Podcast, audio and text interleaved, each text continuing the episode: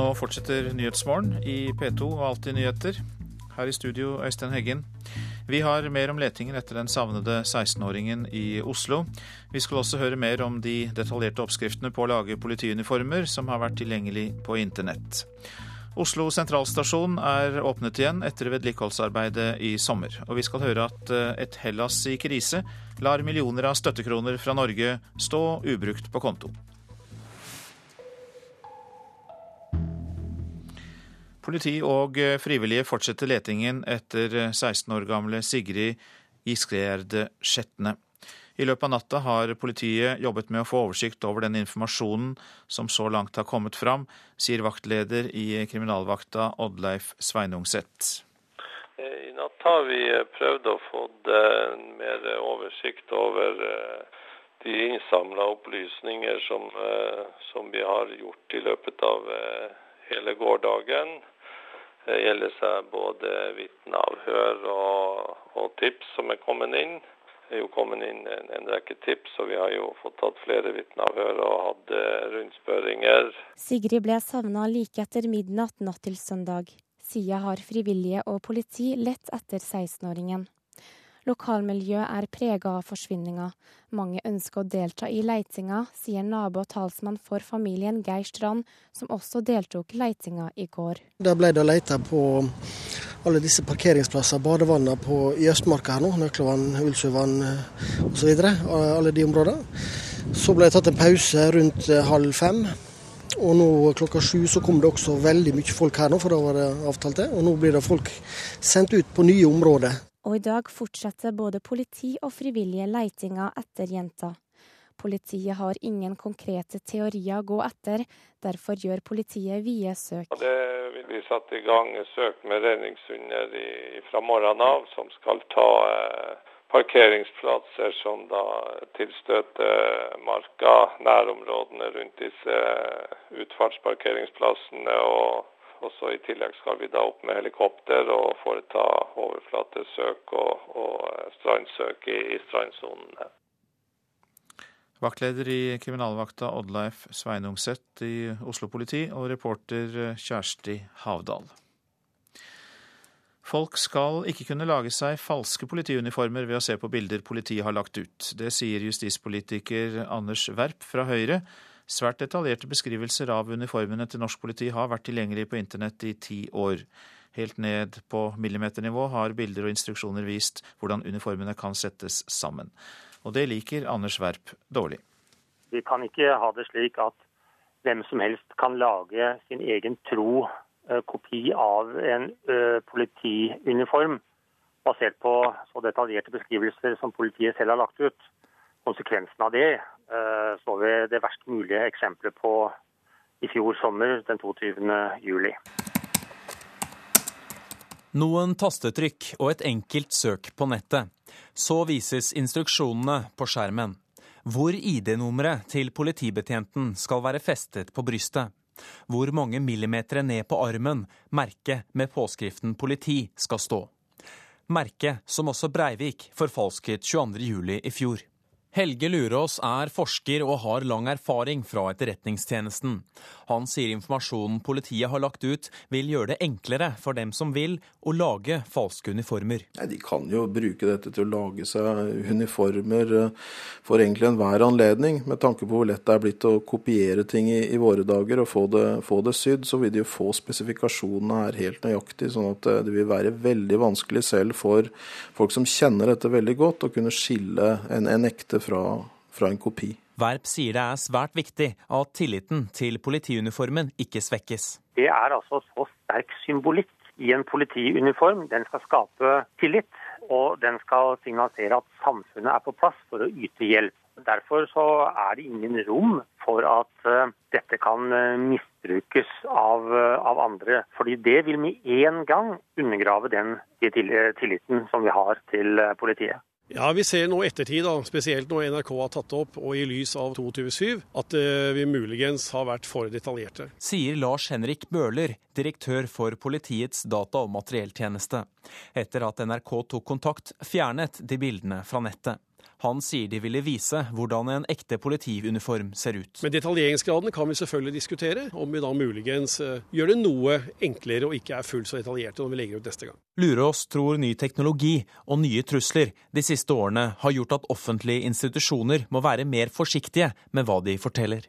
Dette skyldes kanskje simpelthen at man eh, ikke har tenkt eh, simpelthen på at man er nødt til å endre tilgjengeligheten når det gjelder uniformsreglementet i, i, tråd med at vi har en ny tid, eh, både teknologisk, hvor lett det er å kopiere ting, kopiere effekter, men også i forhold til hvordan man eh, kopierer taktikk fra andre konfliktområder. Og at dette med å utgi seg for noe annet enn man rent faktisk er, og bruke dette med terrorformål, eh, er noe som har kommet i løpet av kanskje de siste 10-15 årene, hvor man da ikke i tilstrekkelig grad har klart å endre rutinene sine rundt det.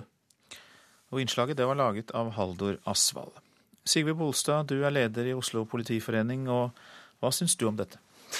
Nei, Først og fremst er jeg helt enig i at eh, det er utrolig viktig eh, for eh, politiet sin del at uniformen gir en høy grad av tillit. Det handler om å gjøre en optimal jobb for byens innbyggere, eller for norsk politi generelt i hele landet. Og da er det viktig at det er en stor grad av tillit når politiet kommer i uniform. Men hva syns du om at disse detaljene om uniformen har ligget ute på nettet? Ja, nå har det jo ligget ute på nettet ganske mange år, som eh, det blir sagt, eh, og ingen har reagert så langt. Så har jeg veldig stor sympati eh, for det grusomme som skjedde 22.7 i fjor. Og at man går tilbake og så ser litt på detaljgraden i forhold til det som er lagt ut. Det har jeg stor forståelse for at man gjør. Men på den annen side så skal jo publikum også vise, eller vite hvordan en politiuniform ser ut. Det er også, også viktig. Og så er det en del ting som er skal være offentlig, som publikum har krav på oss å vite. Så det blir jo balansegangen akkurat der som blir viktig å se på. Men det er dette med å gå så dypt ned i detaljene som eh, du også da er kritisk til, når det gjelder eh, hvordan man kan lage seg sin egen uniform? Jeg mener det som legges ut skal være samfunnsnyttig. Og jeg kan ikke se at det skal være samfunnsnyttig å vite på centimeteren og millimeteren hvordan distriksjonene på skuldrene er, hvor altså merket der det står politi skal være på politiskjorta, eller uansett politiuniform. Det kan jeg ikke se at er nyttig for samfunnet. og Dermed så er det ingen grunn til at det skal være så detaljert som her blir beskrevet. Hva betyr uniformen når du og kolleger er eh, ute på gata? Den betyr eh, ekstremt mye. Den er avgjørende eh, for å kunne opprettholde ro og orden, altså den eh, oppgaven som politiet først og fremst er satt til å gjøre. Så når en polititjenestemann, kvinne, kommer ut og er synlig, eh, så har det gitt en høy grad av tillit i samfunnet, som har gjort det mye lettere for politiet også å gjøre en god jobb. Og sånn skal det være i fortsettelsen også. Vil du eh, rette kritikk mot de som har hatt dette liggende ute på nettet, disse detaljene om uniformen? Jeg ser ingen grunn til å rette kritikk. Nå har det ligget mange år ute, og ingen har reagert eh, så langt. Jeg er også glad for å høre at man skal gå inn og skal se på det, og, og, og fjerne deler av det som går på detaljnivået. Det tror jeg er en klok avgjørelse. Takk for at du kom. Sigve Bolstad, du er leder i Oslo politiforening. Så skal jeg si litt om hva avisene skriver om i dag. Førstesidene i VG og Dagbladet omtaler letingen etter 16 år gamle Sigrid Giskegjerde Skjetne, som altså er savnet eh, i Oslo. Vil ikke være borgerlig pynt, det sier Knut Arild Hareide til Dagsavisen. Hareide sier han ønsker et regjeringsskifte, men at det ikke er aktuelt å gå inn i en regjering hvor KrF ikke har reell innflytelse. Bombefabrikken er oppslaget i Aftenposten. Avisen har besøkt en av de mange små bombeprodusentene i Syria, som forsyner opprørerne med hjemmelagde veibomber og håndgranater til bruk mot det militært overlegne Assad-regimet. Stadig flere bolighaier er oppslaget i Klassekampen. Utleiemarkedet er dominert av enkeltpersoner som kjøper en bolig nummer to for å tjene på høye utleiepriser. Det er mange cowboyer på utleiemarkedet, sier boligforsker Viggo Norvik. Nordlys forteller om en familie som har jaktet i fire måneder på bolig i Tromsø uten resultat, og angrer på at de flyttet til byen. Det er ikke bare studenter som sliter med å finne et sted å bo i Tromsø, skriver avisa. Det er store problemer ved kreftavdelingen ved St. Olavs hospital i Trondheim. Det skriver Adresseavisen. Nedskjæringene i antall ansatte og sengeplasser fører til uholdbare forhold, sier kreftpasient Stig Dahl. Fleksitid og dynamisk arbeidsmiljø er oppskriften på lavt sykefravær i Opera Software. Det kan vi lese i Finansavisen. Fraværet er lavest i de store børsnoterte selskapene. De jobber systematisk med inkluderende arbeidsliv, det sier LOs sjeføkonom Stein Regaard. Minoritetene taper i spillehallene, er oppslaget i Vårt Land. Er, eh, de er særlig utsatt for fristelser fra spilleautomater og haller, og de venter lenger før de ber om hjelp. Det kommer fram i en rapport fra organisasjonen Blå Kors. I fylkesbygget parkerer de ansatte billig, men samtidig vil fylkespolitikerne stramme kraftig inn på parkeringen i Bergen, skriver Bergens Tidende. Hordaland fylkeskommune har et tungt ansvar for å gå foran som et godt eksempel, sier SVs Tom Skauge. Byfolk anser seg selv som mer åpne og tolerante, viser Nasjonens distriktsbarometer. Å bo i en by innebærer fremdeles å akseptere mer mangfold enn på landet, sier sosialantropolog Thomas Hylland Eriksen.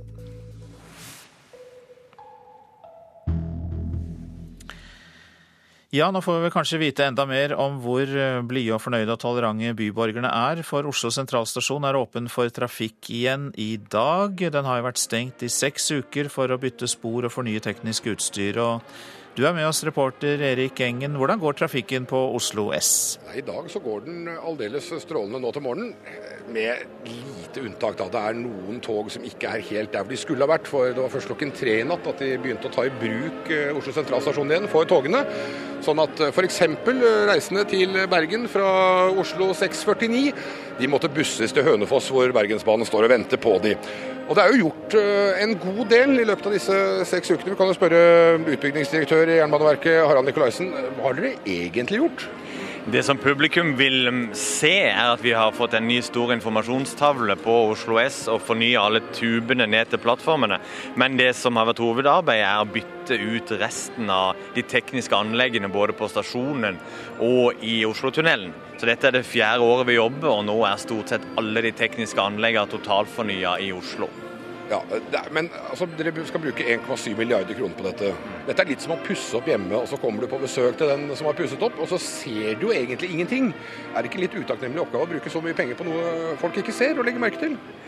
Det viktigste for oss er at de legger merke til det, og det ser vi allerede at de reisende har gjort. Fordi at punktligheten og oppetida i Oslo-området har blitt bedre. Og med disse tiltakene vi gjør i år, så kommer det til å bli enda bedre for de reisende. Det er det viktigste. Om ikke de ser alle våre fine kabler og nye sporveksler og de tekniske anleggene, så lever vi med det. altså. For det de ser når de kommer eh, hit, er jo Det første de ser, er den nye informasjonstavla. Den eh, forrige gamle var jo håpløs og analog, som det så fint heter. Nå er det heldigitalisert. Eh, Fortell litt om dette vidunderet. Det en, det er jo en stor tavle, da, men det er kanskje ikke det viktigste. Men den er ca. på 60 kvadrat og går for å være Nord-Europas største. Det viktigste er som du sier at den er digital. Det er mye bedre opplys, oppløsning og lys på den, og vi kan bruke den mye mer aktivt til å gi passasjerene informasjon. Den er fleksibel, og det gjør det lettere for oss å kommunisere med de reisende på en god måte på Oslo S. Blir det mer fornøyde reisende av eh, det som har skjedd? Ja, det gjør det. Vi ser allerede at det har, det har begynt å bli mer fornøyde reisende. Og med dette så vil vi kunne tilby en mer robust og pålitelig infrastruktur i Oslo for de reisende. Og for de som lurte i denne utgaven av Korpshalvtimen, det var Jernbaneverkets, eh, eller Jernbanens orkester som spilte i bakgrunnen. Det var 'Congratulations' vi hørte. Det passer jo på dagen. Takk skal du ha for dette, både trafikk og musikk, reporter eh, Erik Engen. Ja, Du lytter til Nyhetsmorgen. Klokka den er 7.17 der eh, nøyaktig, og vi har disse hovedsakene. Politi og frivillige fortsetter letingen etter 16 år gamle Sigrid Giskegjerde Skjetne i Oslo, som er eh, savnet. Detaljerte oppskrifter på å lage den perfekte politiuniform har vært tilgjengelig på nettet i ti år. Det ble kritisert av justispolitiker Anders Werp fra Høyre. Og snart skal vi høre at en ny eh, skuespillerutdanning har fått høyskolestatus, men det skjer i strid med de råd regjeringen har fått. I Wisconsin i USA pågår etterforskningen for fullt etter at seks mennesker ble drept av en mann som skjøt rundt seg i et sikh-tempel i går. Tre mennesker er fortsatt hardt skadd. Drapene etterforskes som innenlandsk terrorisme, opplyser politiet i byen Oak Creek i Wisconsin. Lite er så langt kjent om gjerningsmannen som ble drept i skuddveksling med politiet, sier korrespondent Jon Gelius. Foreløpig holder politiet kortene tett til brystet om den antatte gjerningsmannen. Av vitner beskrives han som en kraftig bygget, skallet hvit mann i 40-årene. Og han skal ha bodd ca. to mil ifra dette sikh-tempelet. Eh, skal ha sagt til politiet at den antatte gjerningsmannen hadde en tatovering med 9-11, altså 11.9., men dette er foreløpig ikke blitt bekreftet. Og Politiet driver nå og prøver å finne ut mer om denne mannen, eventuelt hva slags motiv han skulle ha hatt for å gå inn i dette sikh-tempelet for å starte denne skytingen. Eh, politiet har varslet en eh, ny pressekonferanse senere i dag i ettermiddag norsk tid. Hvilke reaksjoner er det kommet i USA på denne siste skyteepisoden? Det er klart at USA er både rystet og i sjokk etter nok et eh, massedrap. Det er jo ikke mer enn drøye to uker siden en 24-åring skjøt vilt rundt seg i en kino i Colorado og drepte tolv mennesker. Og i går altså et uh, nytt massedrap uh, i en annen delstat, Wisconsin. Uh, president Obama og den republikanske presidentkandidaten Mitt Romney har i natt norsk tid uttrykt medfølelse med de etterlatte. og det er klart at dette preger også den politiske hverdagen nå, fordi nå blir det nok en gang reist spørsmål både om våpenkontroll og måten dette kan utspille seg på i USA. Det er kommet fram opplysninger opplysning om at eh, denne mannen hadde et halvautomatisk eh, våpen med seg eh, i denne skytetragedien i Wisconsin. Korrespondent Jon Gelius, som jeg snakket med litt tidligere på morgenen. Hellas er i dyp økonomisk krise og har nettopp gått inn for nye store kutt. Samtidig står millioner av kroner i EØS-støtte ubrukt, mesteparten fra Norge. Mange av prosjektene grekerne kunne fått penger til, har de ikke klart å gjennomføre. Og det er dårlig styring, sier professor i samfunnsøkonomi ved Universitetet i Oslo, Steinar Holden. Den viktigste årsaken er nok eh, dårlig gjennomføringsevne i eh, Hellas. Altså, de har hatt dårlig økonomistyring og mye byråkrati, som gjør at de ikke bruker pengene på en god eh, måte. Hellas valgte selv dessuten en egenandel på 50% mot normalt 15 for å fordele støtten på flere prosjekter. Holden mener det er lite overraskende at de ikke har klart å følge opp. Nei, det er det ikke. Altså, på en måte er det et paradoks i den forstand at de Hellas har mer behov for penger enn noensinne. Og selv om dette er ikke den måten de helst ville bruke pengene på, så, så har Hellas god bruk for EØS-midler eh, nå. Hellas er et av EU-landene som får EØS-midler til utjevning av sosiale og økonomiske forskjeller. I forrige periode, 2004-2009, var det planlagt prosjekter for 250 millioner kroner men bare en fjerdedel av pengene er utbetalt.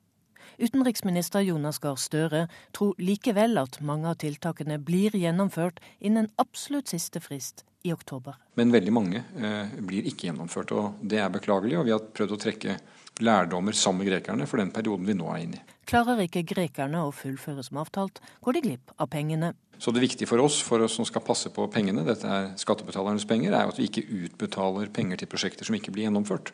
Så må jo da grekerne ta konsekvensen av at ting de hadde planlagt og gått inn for, ikke er blitt gjennomført. Så er spørsmålet om Hellas klarer å oppfylle sine forpliktelser i denne perioden. Vi må ha grunn til å tro at det blir bedre. Både fordi vi da har lært av de eh, siste fem årene, og la meg igjen understreke, vi betaler ikke ut penger til prosjekter som ikke blir gjennomført i henhold til hensikten.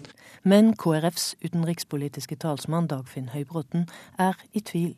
Nei, det er vel snarere grunn til å frykte at uh, situasjonen nå er så akutt at uh, kapasiteten til å ta imot uh, helt konkrete prosjektmidler på den måten som disse midlene er, er blitt mindre. Dagfinn Høybråten, eh, KrF til slutt der, og eh, det var Katrin Hellesnes som hadde laget innslaget. USAs utenriksminister skal til Sør-Afrika i dag. Besøket der varer i flere dager. Hillary Clinton skal bl.a. Eh, møte Nelson Mandela. Og da griper vi fatt i deg, utenriksmedarbeider og tidligere Afrikakorrespondent Tom Christiansen, for vi har lyst til å vite hvor viktig er Nelson Mandela i dagens Sør-Afrika nå? Han er veldig viktig for sørafrikanere, men eh, politisk betyr han ingenting. Han, eh, det er ingen som søker hans råd, og han gir heller ingen råd. Han blander seg ikke inn i, i noe. Skyldes jo at han er blitt 94 år gammel. Han er eh, en gammel, sliten mann som bruker dagene til å snakke med sin kone. Av og til kommer det noen gjester, men det er veldig få. Slik at når Hillary Clinton kommer og besøker han, så er det en sjeldenhet. Akkurat som han traff hennes mann, eh, Bill Clinton, i eh, juli. De skal møtes i Kunu, hvor han vokste opp som gjetergutt. Og der har han fått bygget et hus, for øvrig en kopi av det huset han bodde i på det siste fengselet hvor han satt arrestert, Victor Verster-fengselet. Og der skal han motta da Hillary Clinton når hun kommer. Uansett så er det vel imponerende at en 94-åring eh, er i eh, ganske stor vigør. Ja, særlig når du tenker på hva slags liv han har levd. Han har sittet innesperret i, innesperret i 27 år. Men han har jo hatt en selvdisiplin som er nokså bemerkelsesverdig. Og han eh, har jo i hele sitt liv stått tidlig opp om morgenen og hatt gymnastikk helt til eh, det siste, og på en måte holdt seg i form. Noe å lære der. Hillary Clinton har vært på en lengre reise i Afrika. og Hva er hensikten med hennes tur? Ja, Hun har med seg en stor næringslivsdelegasjon, hvilket betyr at USA vil investere i Afrika. Der er det mye råstoffer å, å, å hente. Samtidig er jo Afrika overflømmet av kinesiske produkter, og Kina er jo tungt inne i Afrika. Og det betyr at eh, Afrika på en måte har snudd blikket mot øst, og det tror jeg USA vil gjøre noe med. Hun har også vært i forskjellige land og snakket om uh, autoritære styrer. Hun har dratt til Senegal, som har fått en mer demokratisk vinkel. Dratt til Sør-Sudan for å understreke behovet for demokrati. Og også en del andre steder hun har vært for å gi støtte til de positive sidene av Afrika. Besøket i Uganda var det viktigste på denne lange reisen, blir det sagt. Hvorfor det? Fordi at det viser det andre aspektet ved denne reisen, nemlig den politiske. Altså, hun har sagt uh, de autoritære regimene bør uh, skiftes ut med noe bedre. Men hun er mer opptatt av kampen mot ekstreme islamistiske bevegelser. Og Uganda har en stor fredsstyrke i Somalia, og det er jo en spydspiss i kampen mot jihadismen. Og derfor så får de stor støtte derfra. Derfor er det også veldig bemerkelsesverdig da, at når Hillary Clinton kommer til Uganda, så snakker hun om det, og ikke det hun ellers, ellers i de andre landene snakker om, nemlig en autoritær styreleder. Museveni har sittet der i uminnelige tider fra 70-tallet, eh, og de har, uh, vurderer dødsstraff for homofile og slikt. Alt dette er glemt når det kommer til Uganda, for da er det én ting som er viktigere kampen mot muslimene. Mange takk skal du ha, utenriksmedarbeider eh, Tom Christiansen. Vi går over til sporten. De norske håndballjentene er selv overrasket over det dårlige nivået de viser. I går kveld tapte Norge den siste kampen i gruppespillet. Etter tapet mot Spania samla håndballjentene seg for å få med seg 100-meterfinalen. Men entusiasmen for egne prestasjoner var langt mindre. Det er jo veldig frustrerende at vi ikke får det til. Det, er, det fungerer ikke, rett og slett. Sier Linn Gjørum Sulland. Femmålstapet for Spania var i prinsippet uten betydning, men viste at nivået laget holder nå ikke er i nærheten av det de kan på sitt beste. Sulland er overrasket over hvor dårlige de har vært i OL. Ja, absolutt. Jeg syns vi var på et mye høyere nivå bare rett før det her startet. Så ja, det er jeg selvfølgelig overrasket over. Eh, ikke sånn veldig morsomt akkurat nå. Karoline Dyhre Breivang er heller ikke imponert over lagets innsats hittil, og de begynner å merke presset, for allerede tirsdag venter Brasil i kvartfinalen. Skal Norge ta seg videre, må laget prestere på et langt høyere nivå. Vi får bare riste oss av denne skuffelsen så fort som mulig og begynne å grave etter det vi vet at vi kan. Fordi vi kan. Vi bare har ikke fått det helt til ennå. Vi er jo like klare for hver kamp til å gjøre noe med det her. Så har vi ennå ikke lykkes. Så ja, nå er det én sjanse til, og så er det over og ut hvis ikke vi får det til. Reporter Vibeke Unnhjem. Musikkteaterskolen i Oslo har fått høyskolestatus, men det er ikke behov for flere utdanningstilbud for skuespillere på bachelornivå, ifølge en undersøkelse, og lederen av Norsk Skuespillforbund er redd for at utdanningsnivået svekkes. Det utdannes eh, for mange med en eh, mangelfull eller for dårlig utdannelse. Det sier leder i Norsk Skuespillerforbund, Hauk Heierdal. I dag utdannes det skuespillere fra tre høyskoler og fire fagskoler. De tre høyskolene utdanner rundt 30 skuespillere per år. Musikkteaterskolen, som akkurat har fått høyskolestatus, vil utdanne rundt 25 musikalskuespillere i året. Noe som igjen vil gi 55 skuespillere med bachelorgrad. Kulturnytt erfarer at flere skoler vil søke om høyskolestatus, noe som igjen kan gjøre at Norge vil utdanne over 100 nye skuespillere med bachelorgrad i året.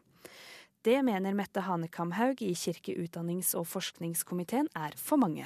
Vi i Fremskrittspartiet mener vi må ha akademisk frihet, men samtidig må vi tørre å prioritere. Vi mener at vi skal prioritere realfag, lærerutdanning og helsefag foran det regjeringa nå gjør, med å prioritere f.eks.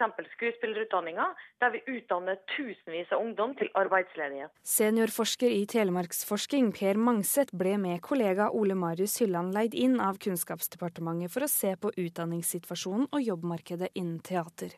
Og de fant at det ikke er behov for flere høyskoleutdanninger innen skuespill. Altså, Vi mente vel at uh, vi var i ferd med å nå taket når det gjelder antall uh, utdannede skuespillere i Norge at uh, å etablere flere nye uh, utdanninger på bachelornivå er, er, betenkelig.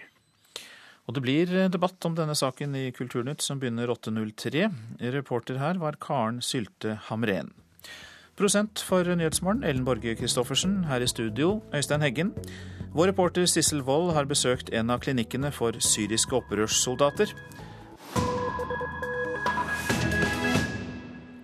Dette er Nyhetsmorgen, og vi eh, fortsetter med en reportasje fra vår medarbeider Sissel Wold. For i Tyrkia jobber syriske leger døgnet rundt for å behandle skadde opprørssoldater fra hjemlandet, før de igjen sendes tilbake til fronten. Eksilsyrerne har skaffet penger for å finansiere klinikken. Og Sissel Wold hun besøkte en av disse klinikkene i den tyrkiske byen Antake. En ung mann bæres inn og settes ned på sofaen i venteværelset. Han har på seg svarte joggebukser og en svart hettegenser. Han ser temmelig medtatt ut og orker ikke å snakke med noen. På veggene i dette utendørs venterommet er det nye syriske flagget malt sammen med det tyrkiske, og også symbolet til den røde halvmåne. Så bæres den skadde syreren med bandasje og gips på venstrefoten inn på klinikken. Der venter doktor Hassan Ghanem.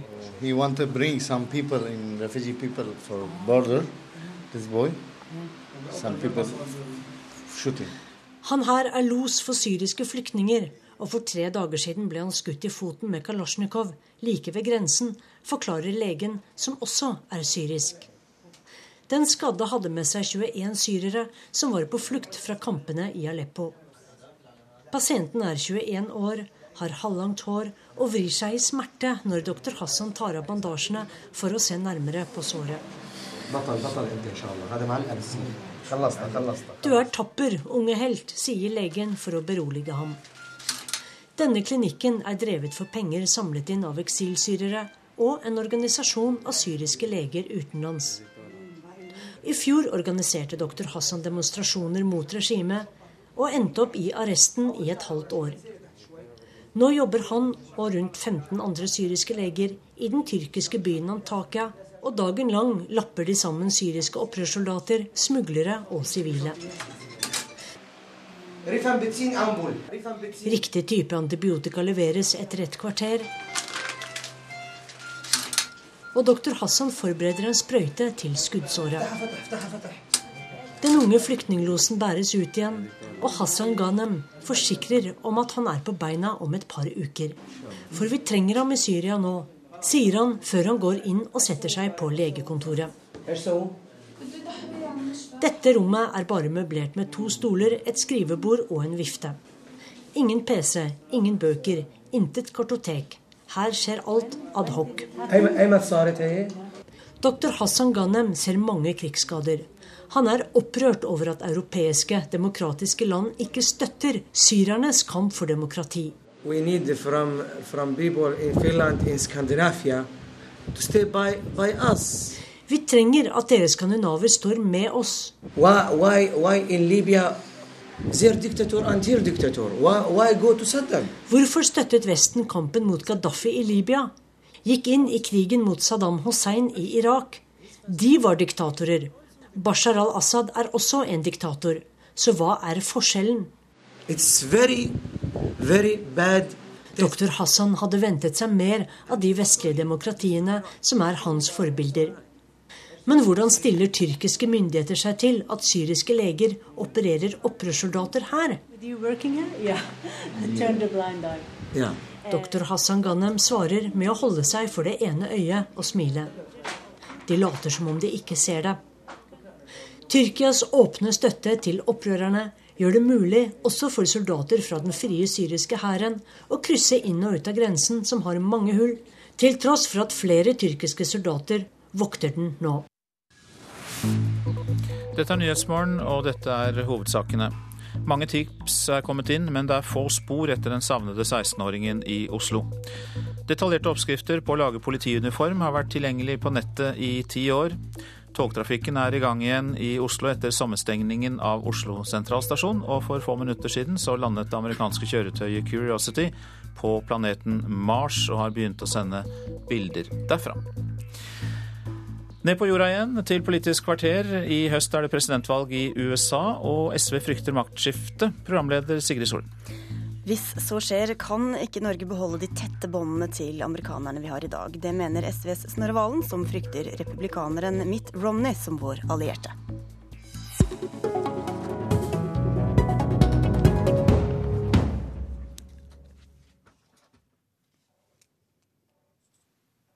I'll tell you right here before I leave what I think of this administration's shabby treatment of one of our finest friends. President Obama is fond of lecturing Israel's leaders. He's undermined their position, which was tough enough as it was. The people of Israel deserve better than what they've received from the leader of the free world. Alt før presidentkandidat Mitt Romney dro på en liten rundtur nylig, varslet han bl.a. støtte til Israel, som var et av stoppene på turneen.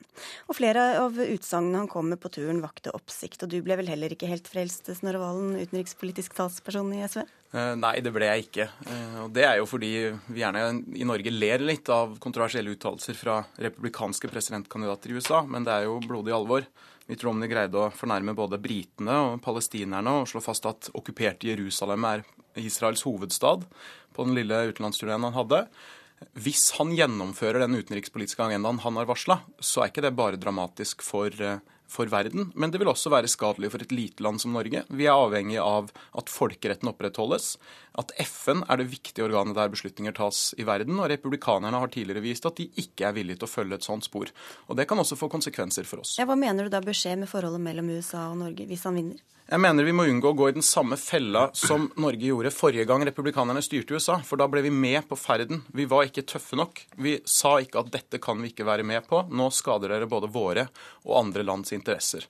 Vi har en utenrikspolitikk som det er brei enighet om i, eh, i Norge. Eh, vi er retta mot nordområdene og forvaltning av våre store områder der. Vi er avhengig av et OK forhold til vår største nabo Russland. Eh, og vi har en strategi knytta til forsvaret av våre egne områder. Det har også Nato gått mer inn på etter toppmøtet i Chicago i år. Og det vil bli svekka med en republikansk president. Da, eh, da blir det bombekrig mot Iran, ifølge Mitt Romney. Han vil støtte Israel om de gjør det. Det blir ikke noe håp for en fredelig løsning i Palestina. Eh, og det er ikke bra for verken oss eller andre. Og da må det løsere bånd til, altså nestleder i Høyre, Jan Tore Sanner. Hva sier du til det? Nei, dette er eh, et uansvarlig utspill fra Sosialistisk Venstreparti. Båndene mellom Norge og USA er tette, og de er sterke. Det handler om politikk, det handler om økonomi, det handler om kultur, og ikke minst så handler det om sikkerhetspolitikk. De båndene har vært sterke helt siden annen verdenskrig, og røttene går enda lenger tilbake. Hvis Norge skal begynne å være i opposisjon til USA, i tillegg til en halvhjertet europapolitikk, så vil det både svekke våre nasjonale interesser, evne til å ivareta vår sikkerhet, og undergrave Norges innflytelse i internasjonal politikk. Men hvor enig er du selv med den eh, utenrikspolitikken som Mitt Romney legger opp til? Personlig så ville jeg ha støttet eh, Obama. Jeg ligger nok nærmere han enn det jeg gjør eh, Mitt, Mitt Romney. Men så skal vi heller ikke glemme at i USA så er det valgkamp.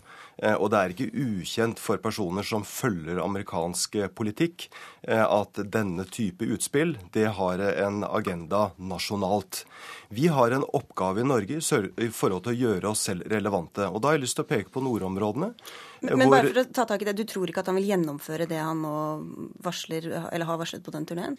Ja, det, det, det, gjenstår, det, gjenstår, selvsagt å se. Men bare tilbake til nordområdene. fordi at Norge må gjøre, vi må gjøre oss relevante. Og Norge er verdensledende i det arktiske områdene i nordområdepolitikk.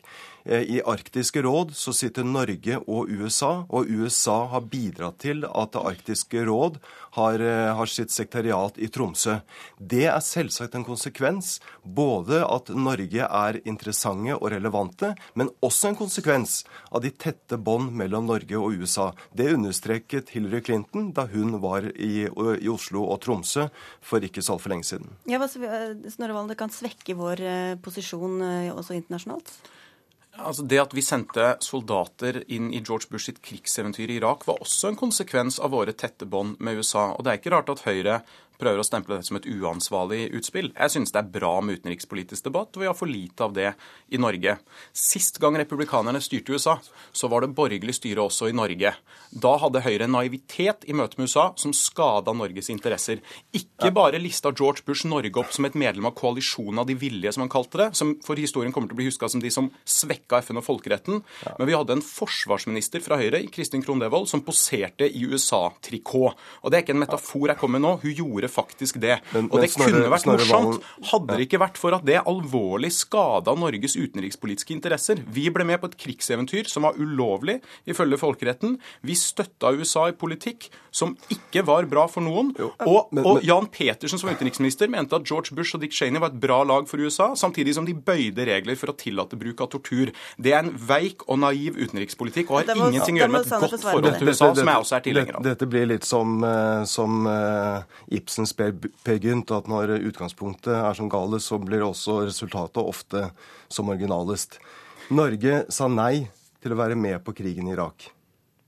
Med Høyre i utenriksministerstolen. Det gjorde vi fordi eh, vi mente at argumentene ikke var gode nok, og fordi de ikke hadde FN-mandat. Norge deltok derimot i en FN-støttet operasjon i Afghanistan. Men Irak-krigen sa Høyre og, og Bondevik II-regjeringen nei til i 2003. Poenget her eh, det er at SV er opposisjonen i norsk utenrikspolitikk, uavhengig av om partiet sitter i regjering eller ikke.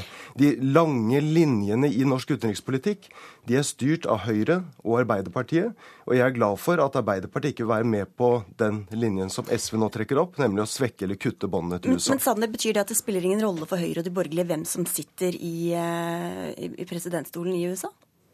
Ja, Det er amerikanerne som velger amerikansk president.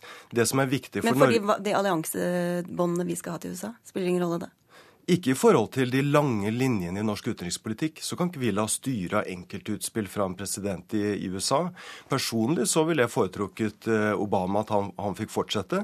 Men uavhengig av hvem som blir president i USA, så skal de eh, båndene holdes, holdes, tette.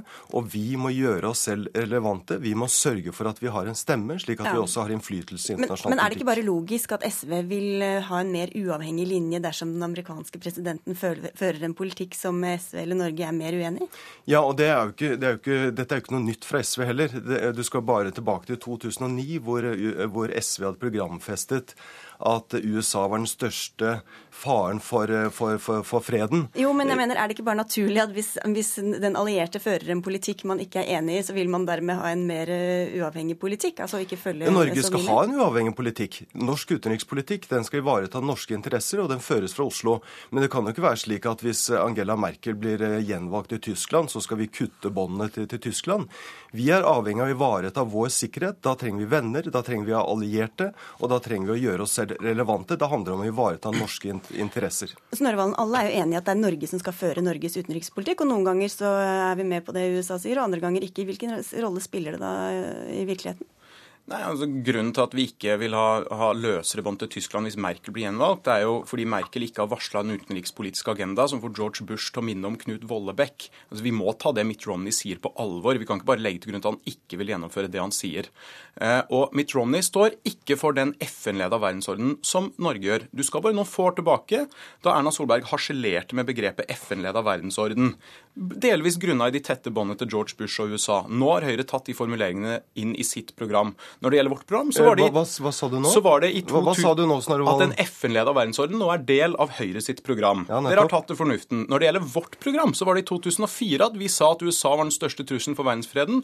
Da hadde nettopp USA invadert Irak og starta en krig som drepte hundretusenvis av irakere. Og Norge sendte soldater dit, som vi og Arbeiderpartiet og Senterpartiet måtte trekke ut. Det- så at vi er på feil ende av bevisbyrden ja, der, vi- det syns jeg blir en ganske merkelig skal påstand. Hvordan skal våre allierte partnere forholde seg til at Norge skifter politikk og skifter linje hvert fjerde år når det er valg i USA? Nei, altså Hvert land skifter politikk ut ifra de rådende omstendighetene. Det gjør Norge, og det gjør andre land. Men vi må være mye tydeligere overfor USA på at vi ikke vil akseptere en politikk som er i strid med folkeretten og i strid med andre og små land sine interesser om republikanerne vinner valget. Det er ikke en spøk om republikanerne vinner valget i USA og varsler en politikk der de vil støtte bombeangrep på Iran, og der de vil gravlegge ethvert håp om en fredelig og er- rettferdig løsning i Palestina. Det er riktig at det er ingen spøk hvis republikanere vinner. Det er et resultat av et demokratisk valg.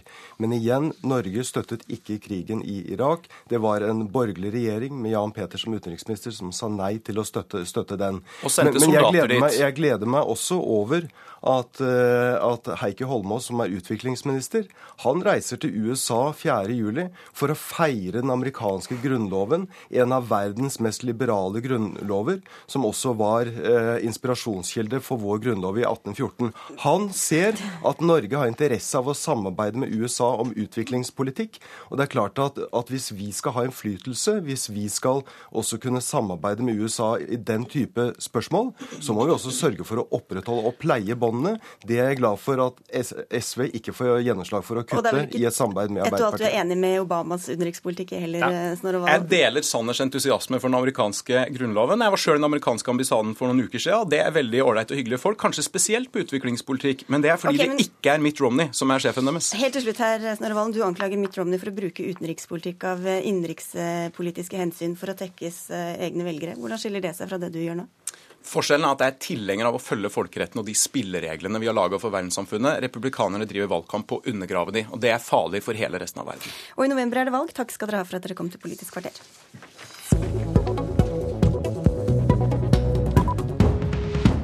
Hvor vi også skal ønske velkommen til deg, Tonje Brenna.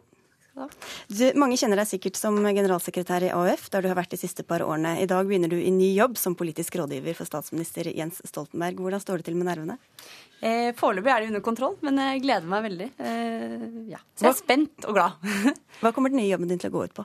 Altså, eh, når man er politisk rådgiver, så er jo oppdraget å gjøre dagene til statsråden best mulig. Så eh, Å komme med råd der man blir spurt. Så jeg skal gjøre det jeg kan for at eh, statsministerens timeplan skal gå opp, og at han skal få råd på de tingene han måtte ønske innspill på. Hva tror du selv du kan bidra med, da? Jeg tror at med min bakgrunn fra AUF, som er en helt annen type organisasjon bestående av unge idealister og masse entusiasme og tro på at man kan redde verden I motsetning til hva som er på statsministerens kontor? Det er ikke en motsetning, men det er et supplement. Jeg tror at det er bra at eh, jeg kommer fra en arbeidsplass hvor vi jobber på en ganske annen måte. Akkurat som alle andre arbeidsplasser, så trenger jo også statsministerens kontor å bestå av ulike mennesker med ulik erfaring og bakgrunn, så det er jo det jeg tar med meg inn i jobben. Hva var Stoltenbergs egen begrunnelse for at han ville ha deg med da han ringte og spurte om du ville ha jobben, da? Han mente at jeg var eh, flink, at jeg hadde vist at jeg eh, var god for noe i jobben min som generalsekretær, og ville gjerne ha meg med på laget. Hva har Stoltenberg og hans håndtering av situasjonen betydd for deg og resten av AUF i det kriserammede året dere har vært gjennom? Jeg tror for, eh, for AUF, akkurat som for Norge, så har det vært viktig å ha hatt en leder som har gått foran og satt ord på vanskelige ting, eh, og som har eh, hatt et budskap som har handla om åpenhet og nestekjærlighet, og at vi skal bry oss om hverandre og ikke hate hverandre og hevne oss. Og så tror jeg jo, som AUF-er og som generalsekretær i AUF, at det har vært viktig at partilederne i Arbeiderpartiet har, har fremført et budskap som vi kan kjenne oss igjen i, også som AUF-ere. Nå har du fått en jobb som sikkert mange misunner deg. Tror du at mange av AUF-erne fra Utøya i fjor kommer til å prege norsk politikk og komme inn i ledende politiske stillinger? Jeg tror at, eh, eller jeg veit jo sjøl at eh, AUF på mange måter er en talentfabrikk. At det er der folk eh, får politisk skolering, og det er der vi ser hver eneste AUF-generasjon som, som, har folk som har masse å bidra med. Så at du var på Utøya i fjor, det er ikke noe kriterium for at du skal prege norsk politikk, men at du er AUF-er, det er jo ofte en god ting å ha med seg i utgangspunktet. Talentfabrikk, sier du. Politisk broilerfabrikk, eh, sier andre. Hvor mye er det, i den kritikken om at man kommer inn i en mal og læres opp til å bli karrierepolitiker? AUF er en svær organisasjon med masse forskjellige mennesker som har sin måte å gjøre ting på. Eh, statsministeren og mange andre i Arbeiderpartiet har jo også vært eh, i AUF, og vi er jo ikke like som mennesker av den grunn. Så jeg tror det er en bra skole å gå i, men det betyr ikke at man blir like i andre enden av, det, av den grunn. Du har altså vært eh, leder og kunnet lufte meninger som også strider mot Arbeiderpartiets eh, offisielle politikk. Nå skal du bli en som jobber i kulissene, som gir råd. Hvordan tror du den overgangen blir? Altså, Det gleder jeg meg veldig til. Eh, for jeg liker veldig godt å, å, jobbe med å gjøre andre gode. Så det passer meg egentlig veldig bra. Og så er det jo ikke sånn at i AUF at vi er internt enige om absolutt alt. Det er også en stor organisasjon på samme måte som Arbeiderpartiet. Så det å forholde meg til hva flertallet bestemmer, det er jeg jo vant til. Så det er kanskje ikke den aller største forskjellen. Men du er vel også hentet inn fordi du er selvstendig og har egne meninger. Hvilke deler av politikken er det du brenner ekstra spesielt for? Altså Jeg meldte meg inn i AUF fordi jeg, eh, mens jeg gikk på videregående, hadde veldig sansen for AUFs eh, antirasistiske profil, og at man eh, den gang som, da, som, nå også var veldig opptatt av inkludering og, og at alle mennesker er like mye verdt. Og eh, det er et engasjement jeg fortsatt har med meg hver eneste dag. Det er mange som lurer på eh, hva det første rådet ditt til statsministeren kommer til å være når du skal ned på kontoret etter sendinga her er slutt. Hva blir det? Det kan jeg avsløre at det avhenger av spørsmålet. og hva, det er mitt spørsmål, hva ville vært rådet ditt hvis du hadde møtt ham på nachspiel på Arbeiderpartiets landsmøte og ikke var avhengig av å få lønninger av ham seinere? Det er vel ganske liten sannsynlighet for at jeg hadde møtt eh, statsministeren på nachspiel på Arbeiderpartiets landsmøte. Greit. Takk skal du ha for at du kom til eh, Politisk kvarter, eh, Tonje Brenna. Lykke til med første dag på jobb. Tusen takk. Politisk kvarter er eh, over for i dag. Mitt navn er Sigrid Elise Solund, og nå fortsetter P2s Nyhetsmorgen.